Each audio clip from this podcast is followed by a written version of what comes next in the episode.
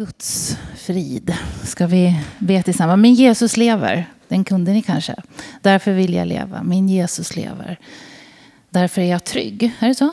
Ja. Det var länge sedan vi sjöng den. Man fick ju liksom lust att sjunga den. Eh, vi ska be tillsammans. Vi ska be eh, för predikan nu. Och eh, roligt att se er allesammans här idag. Vi ska ha fokus på, på Guds kärlek. Har vi haft på de här fina sångerna. Vi har varit ända bort i framtiden när Jesus kommer tillbaka. Och nu ska vi faktiskt tillbaka till det du inledde med. Eh, I min bibel så står det där jag ska vara idag, Guds, Guds kärlek och vår. Men det är inte den ehm, rubriken som jag har valt. Eh, utan jag har valt istället att Gud är först och störst. Kunde lika gärna ha stått Guds kärlek och vår kärlek. Jag ber nu för predikan och jag ber Gud att du ska öppna ditt ord för oss, att du ska tala ifrån din himmel. Jag tackar dig himmelske far att när församlingen kommer samman, när de som tror på dig kommer tillsammans, så är du närvarande. Och vi ber att vi skulle få ha ett fokus på att du är både först och att du är störst. Och vi ber idag att det skulle också få, få vara så att vi får ta in det i våra egna liv, i våra egna hjärtan. Att du är först och att du är störst. Du ser om det är så att det är någon här inne just nu som känner att jag har kanske inte Jesus först. Jag ber att predikan skulle få bjuda åt det hållet.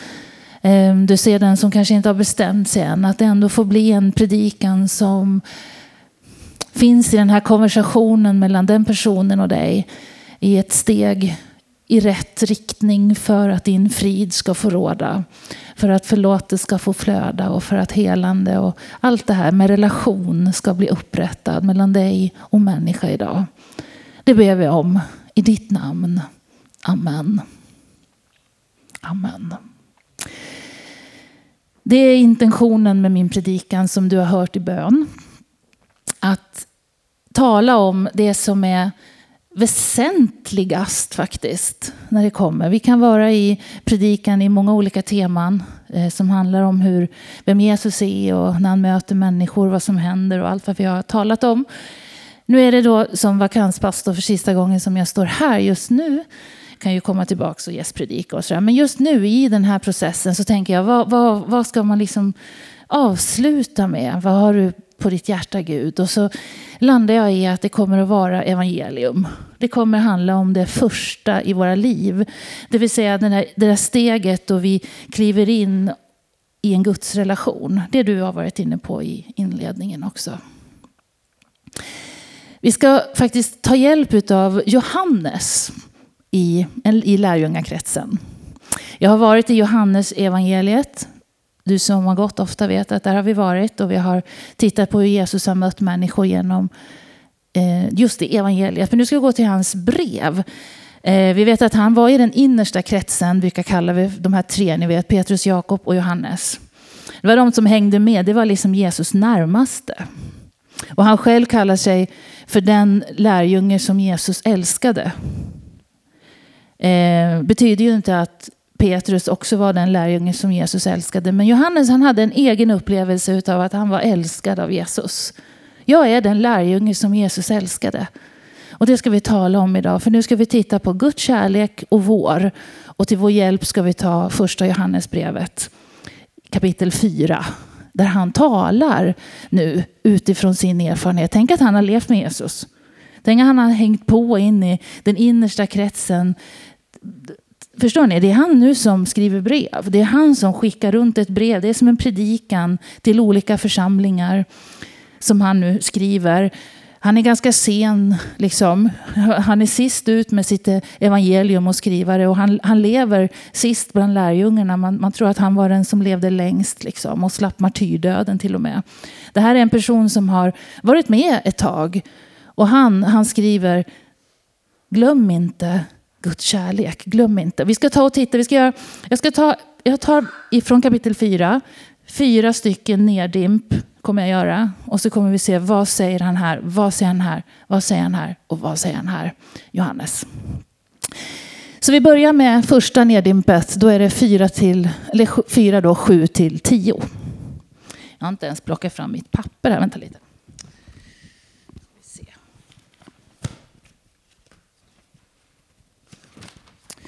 Så, Då står det så här, jag läser från papper för jag kan förstora upp det. Men Bibeln är det, ni har den där. Mina älskade, låt oss älska varandra för kärleken kommer ifrån Gud. Så säger han. Ja, var och en som älskar är född av Gud och känner Gud. Den som inte älskar har inte lärt känna Gud, för Gud är kärlek. Och så uppenbarades Guds kärlek till oss. Han sände sin enfödde son till världen för att vi skulle leva genom honom. Detta är kärleken. Inte att vi har älskat Gud, utan att han har älskat oss och sänt sin son till försoning för våra synder. Vad Johannes säger är att Gud är kärlek. Per definition har han upplevt att det är, alltså Gud är fylld av kärlek. Och hans kärlek uppenbaras på det sättet, visar sig för mänskligheten genom att han sänder Jesus. Det är vad Johannes har fått erfara. Tänk att han fick träffa Jesus. Så han vet att det här var en person som utstrålade kärlek. Det här var en person som eh, Guds son, Messias, som vandrar runt och gör gott. Det här är en person som talar nu utifrån vetskapen att han är älskad av Gud. Och så sände Gud sin son liksom, för att hans kärlek skulle bli uppenbarad och nudda vid oss. Det kallas evangelium, eller hur? Det är vad vi säger är det glada budskapet ifrån Gud, att han har sänt Jesus, är lika med evangelium. Det här lyfter han fram och vill påminna dem som redan tror. Han skickar alltså ett runt ett brev och säger så här är det. Många av dem hade redan en tro, de var redan troende, de kände redan Jesus, de, de, de levde redan kristna. Liksom. De var troende i, i den tiden, där första århundradet efter Jesus. där. Och ändå så är det evangelium som lyfts fram som någonting otroligt viktigt. Det går att berätta evangelium och se det som någonting som en beskrivning. va? Så sände Gud sin son. Och man kan höra det som, vi kan det här. Va? Men vad han vill påminna om naturligtvis det är ju att det här är för, för dig. Det här är, tål att upprepas så att du fattar att det är det här vi håller på med. Ibland är det så mycket annat som man redan på den här tiden höll på med, tror jag. Så att evangelium behövde ibland lyftas upp som vi gör i nattvarden eller på lite olika sätt. Så Johannes han ligger på, Gud är kärlek. Och så här har han visat sin kärlek. Det här är hans... Så. Men så säger han någonting, tro inte. Han säger så här, detta är kärleken, inte att vi har älskat Gud. Det är inte det som är evangelium. Nej, han har varit först. Och jag har funderat över det. För jag tror att det finns någonting i vår tid också som gör att när vi har varit troende ett tag, när det har gått lite tid, så tror vi att vi älskar Gud. Punkt. Vi är troende, vi har så här, vi gör så här. Vi, jag.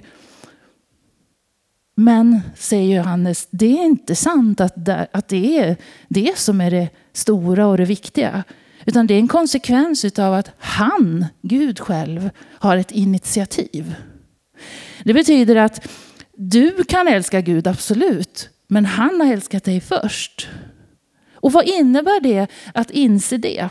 Jo, det innebär att man kan bli väldigt trygg.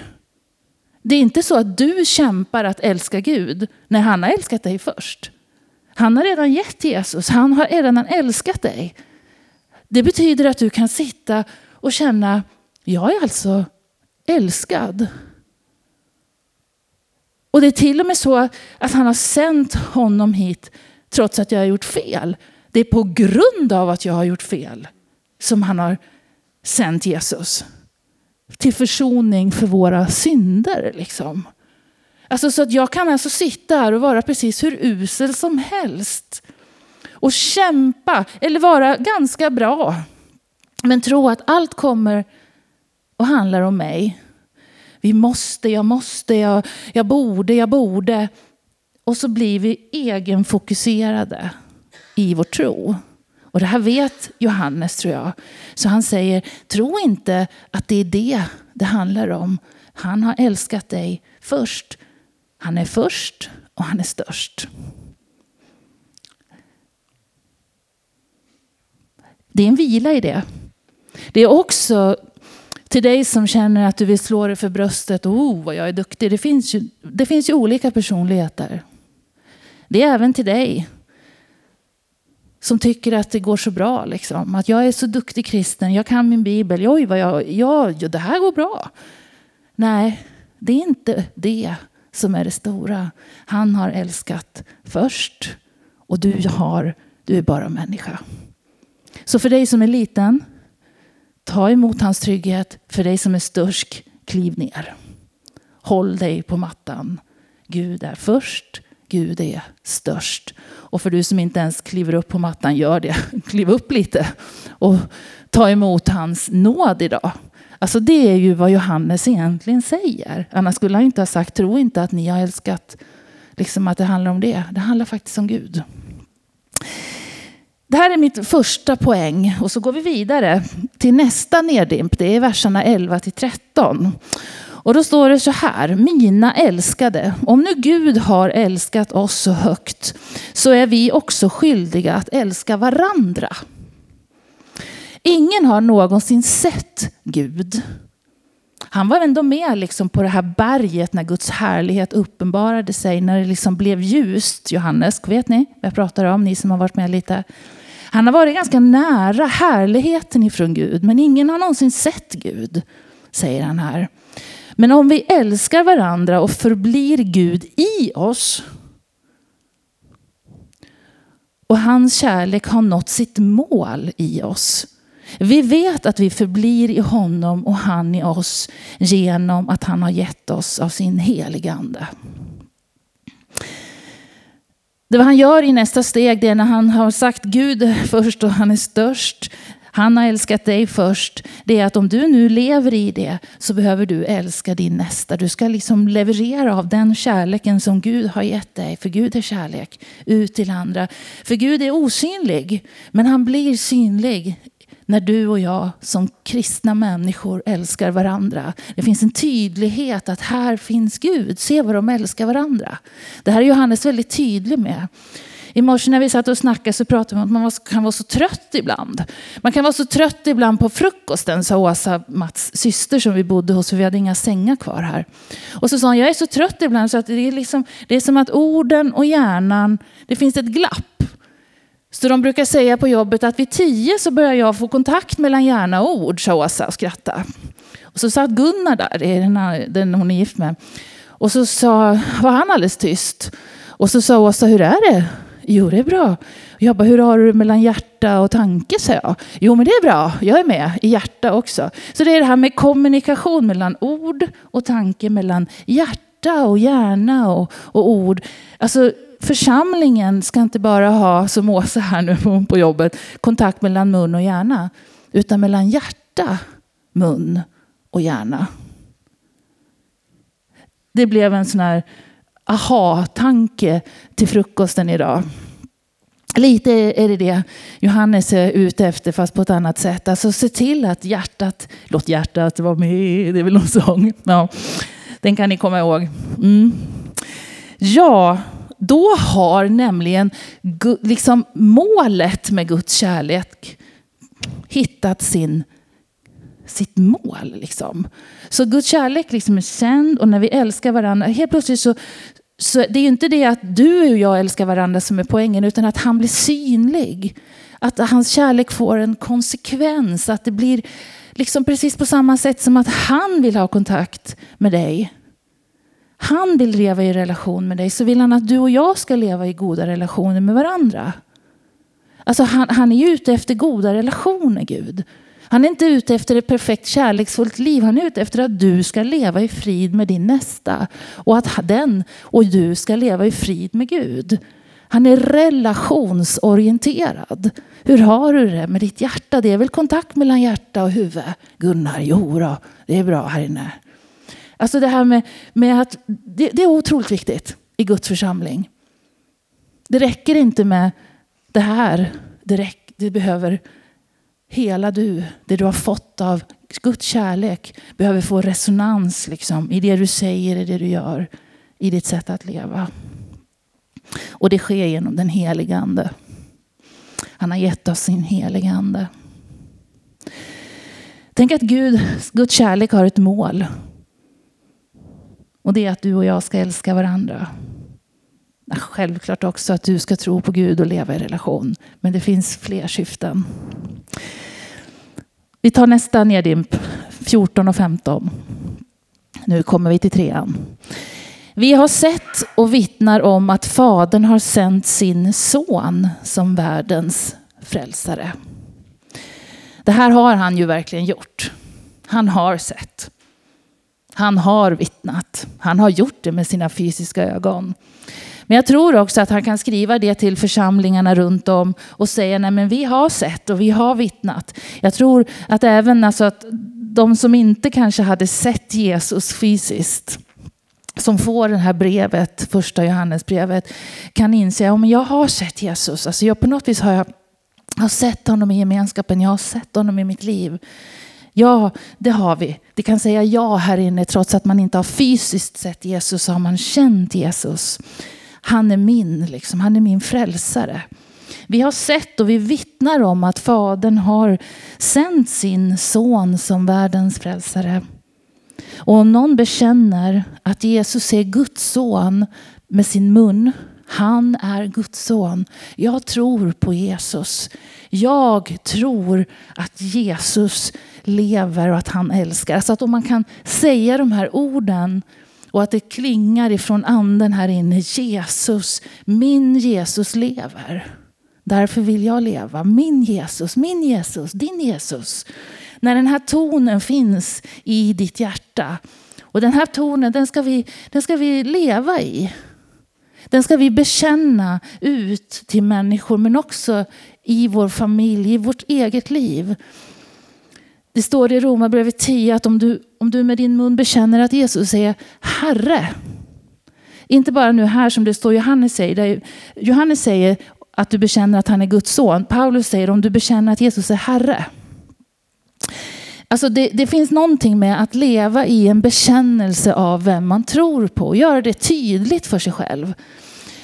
Ehm, det här kan till och med ge, tror jag, ge konsekvenser i ditt eget liksom, absolut privata liv att Jesus är Herre. Det kan ge konsekvenser av ditt tank, till, till ditt tankeliv, till dina livsval, till det djupaste i dig att Jesus är Herre. Tror du det? Och när det får konsekvenser i människors liv att Jesus är den som bestämmer i mitt liv. Han är störst och han är först. Så får det konsekvenser och den gånger som vi, när det inte blir så, så vet vi det om vi lever ärligt inför Gud. Att Nej, men nu var det jag här, nu klev jag upp och tog, oh, förlåt mig Gud. Och så, det, det går alltid att komma tillbaka till att han är först och att han är Herre. Att man går in under det som kallas för Jesu herravälde. Där man placerar honom på tronen och där han är störst och först. Det får konsekvenser för vad vi gör, vad vi säger och vad vi längtar efter, vad vi ber efter, vad vi drivs av, vad vi önskar se. Hur vi ser på andra, hur vi förlåter, hur vi har överseende, hur vi hanterar problem, hur vi lyssnar på nyheter, hur vi oroar oss. Det kan få mängder med konsekvenser att Jesus är Herre i våra liv. Han har älskat först. Han är Herre i våra liv. Över församlingen, han är huvudet. Och det här gör också att när vi bekänner detta så är tanken att då sprids det också till nya. Vittnesbördet lever. Ja, vi vittnar, vi berättar, vi lever ut detta. Både i kärlek och ibland med ord. Men oftast med handling. till medmänniskor. Men ibland med ord. Ibland med vittnesbörd. När Gud leder. Fjärde punkten. Jag hoppar lite till någonting som jag ville säga. Det finns ingen rädsla i kärleken. Utan den fullkomliga kärleken driver ut rädslan. För rädsla hör samman med straff. Den som är rädd är inte fullkomnad i kärleken. Vi älskar därför att han först älskade, älskat oss. Att vara rädd. Jag vet inte vad du är rädd för. Jag är jätterädd för ormar. Jag blev skrämd när jag var liten. Det var ett ungdomsgäng. Jag höll på att springa på en orm och höll på att kliva på den. Och så klarade jag mig. Och så retades de lite med så här strån. En orm, en orm. Sprang de runt så här med strån och sa till mig när jag hade precis nästan klivit på ormen. Och just det där att de skrämde mig så mycket. Mina, liksom, det var så här typ 13-årsåldern. Liksom. Vi var på något läger någonstans. Det gjorde att min rädsla för ormar blev enorm. När jag plus nästan klev på en plus blev retad så här för att det var så roligt att jag var liksom nipprig. Ja. Och ibland när vi är ute och springer, vi var, sprang milen en gång ute på Billingen, kommer man bort på liksom lite myrliknande. Har ni gjort? Har ni gått eller sprungit där ute? Det blir liksom lite på berg. Du nickar. Ja. Det är nästan som att man kommer ut i en annan eh, isotop, nej, vad heter det? en annan miljö. Liksom. Och det blir alldeles liksom eh, ormarna trivs där. Och mycket riktigt, jag är ju jätteuppmärksam på orm. Så vi har bestämt, vad har vi bestämt Mats?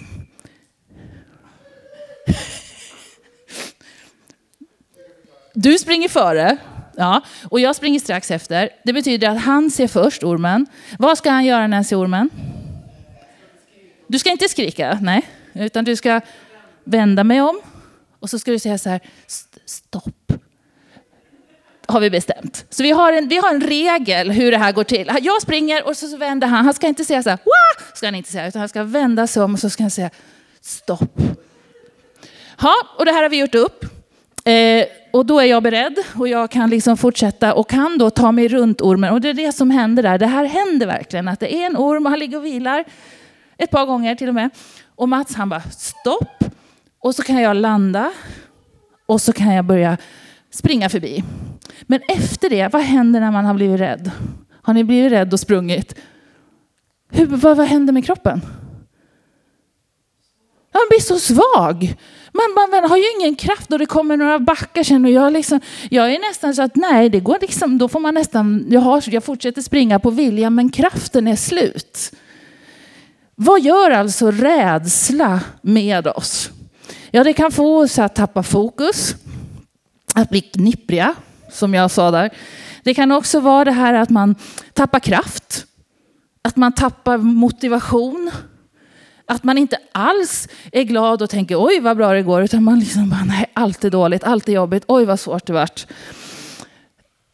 Det finns ingen rädsla i kärleken, utan Guds kärlek kan liksom mota rädsla, står det.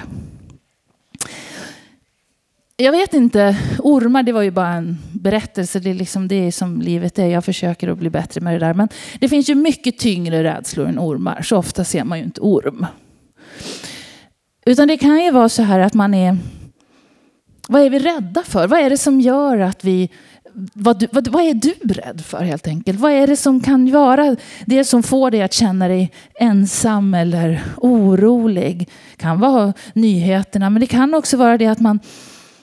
Det kan också handla om gudsrelationen. Det kan vara så att man tänker att jag är helt ensam i allt det här jag måste göra för Gud. Jag är ensam i att finnas och göra mitt bästa. Och så glömmer man att Gud har älskat först. Man, man har inte hans första kärlek i, i ens liv utan man krampar i det som är gott. Och likväl när man gör fel, även om man har bett Gud om förlåtelse, även om man försöker, så lever man kvar i det som kallas för skam eller dåligt samvete. Och man kommer inte ur den situationen därför att man tar inte in att Gud har älskat trots och först. det här är någonting som Johannes vet. Så han vill poängtera att när du är rädd, låt den fullkomliga kärleken komma in i ditt liv. När du är, och då talar vi inte om orm, då talar vi om rädslor om framtid, om, om att leva i relation. Här talar vi om det som är väsentligt. Då säger Johannes, då behöver du ta in Guds kärlek igen i ditt liv. Och du behöver veta att han har älskat dig först. Han har inte bara initiativet till evangelium. Utan han tar också ansvar för sitt barn, för sin församling, för dig. Även om inte du tror det, att Gud tar ansvar och för dig till himlen och vill leva i relation med dig och att du ska leva gott i relation med andra människor. Men det är vad Bibeln säger. Han har inte lovat ett perfekt liv. Han har inte sagt det, men han har sagt att han är med och att han vill leva i relation och i relation. I relation, i relation. Och det här får vi be om och det här får vi leva i. Och när vi känner att det brister, då får vi inte bli rädda. Eller det får vi. Vi kan bli hur rädda vi vill, men det är bara tråkigt. Utan då kan vi be. Nu ber jag om din kraft och din närhet in i den här situationen. Så att det blir, vad blir det när Gud är? Jo, det blir frid. Det blir frid. Det blir lugn. Stopp. Alltså Gud finns med. Det här är Johannes som skriver det här till församlingarna. Och av någon anledning så var det viktigt för honom att säga vi älskar därför att han en gång, han har älskat oss först. Jag skulle vilja att du ser det i ditt liv, att han har initiativet. I allt det du tycker är, allt det där du bär, så har han initiativet och han hör och han ser. Han är inte bortvänd, han är tillvänd. När det kommer till dina tankar om vem du är i Gud och vem du är överhuvudtaget. Han har initiativet att läka. Han har initiativet och vill mer än du att du ska hitta dig själv i hans kärlek. Det tänker jag över församlingen nu när jag släpper taget om stöpen. Jag, vem är det? Alltså församlingen och Guds rike överlag vilar i Guds hand. Han har initiativet över församling, över sitt rike, över allt som är sått, över allt som växer. Över varje liv. Och vi går vidare och vi vet att Gud är med. Det finns ingen rädsla att gå med Gud. Det finns bara frid att hämta. Och därför så får det vara slutklämmen. Och där kom min människa fram. Mm. Så jag vill önska er Guds rika välsignelse. Guds rika välsignelse och kärlek ifrån himlen. Och så skulle jag vilja att du nu som har hört det här budskapet, som är väldigt basic, att du öppnar ditt hjärta och tar emot hans kärlek och inser att han har älskat dig först, långt innan och mycket mer än vad du kan föreställa dig. Och han har allt i sin hand. Jag tackar dig himmelske far att du är kärlek. Jag tackar dig för att du är frid. Jag tackar för att du är mildhet, godhet och att vi får ta emot utav den kärleken som leder till självbehärskning och tålamod i våra liv. Jag tackar dig Gud att du är huvudet, att du är den första, att du är den största. Och jag ber att vi skulle få kliva in i den vetskapen en och en. Att säga du är Herre i mitt liv. Du är Herre i församlingen. Du är Herre över situationer. Att du är Herre över framtid och nu. Jag ber för det som är trasigt, där ditt herravälde inte har nått in. Där du inte är den som råder och bestämmer. Där din frid inte råder. Du ser alla områden över vår jord. Du ser vår Stockholm. Du ser alla skjutningar. Du ser överallt där det onda slår igenom. Tack att vi får be om att du som är kärlek skulle få kliva in i de olika situationerna. Och att vi som ett Guds folk inte är rädda utan kliver in och vittnar och berättar om dig och lever med dig för ögonen. Jag tackar dig Jesus att du har dött för oss var och en. Tack att du har uppstått för oss var och en. Och tack att vi kan få leva i en relation med dig genom detta jordeliv. I vetskap om att du har en evighet i beredskap. Jag tackar dig för ditt rike som är starkt i vårt land. Jag tackar dig för de människor som har dig som Herre. Jag tackar dig Gud att ditt rike går brett det går ekumeniskt, det går in överallt och det växer. Och jag ber Gud att det skulle få bli beskyddat så att när du kommer tillbaka en gång så har inte kärleken svalnat utan den, och tron på dig den lever. Vi ber för det över våra liv, jag ber för det över stöpen. Jag välsignar det fortsatta arbetet här. Från mitt hjärta så ber jag Gud att vi skulle få se fler människor frälsta, fler människor upprättade, en dopgrav som öppnas. Jag ber Gud, Herre, att du skulle få visa en god väg, en bred väg, en ljus väg. Jag tackar dig för att det handlar också om hur församlingen också är, syns emot varandra. Jag ber om en överflöd av kärlek som binder samman och som hindrar den onde från att liksom komma in och förstöra. Jag tackar dig för att jag får överlämna och välsigna stöp med församlingen vidare. Och jag tackar dig för att den bönen den är redan på ditt hjärta. Den finns redan där uppe i din himmel. Dina, din, din längtan och din bön över din församling på den här platsen den är redan pågående. För den har du redan initiativ till Fader. Och jag tackar för att till den så har de fått kliva in, har vi fått kliva in i en böneperiod och vi får fortsätta och höra ifrån din himmel och gå på dina initiativ. Jag tackar dig Gud Herre för att jag får be om beskydd. Jag tackar att jag får be om änglar som skyddar och som driver. Tack att din heliga ande är här för att också driva det som ska drivas och stoppa det som ska stoppas. Förändra det som bör förändras så att ditt rike på ett ännu större sätt kan breda ut sig. Jag tackar för att det är ditt initiativ och det är du som sköter det jobbet. Och jag tackar dig Gud att jag på något vis också har fått stå i denna församling ett litet tag. Och jag tackar dig Gud Herre för att du välsignar nästa steg. Tack att du också välsignar hela ledarskapet och varje medlem, varje gudstjänstfirare. I ditt namn jag ber. Amen. Amen.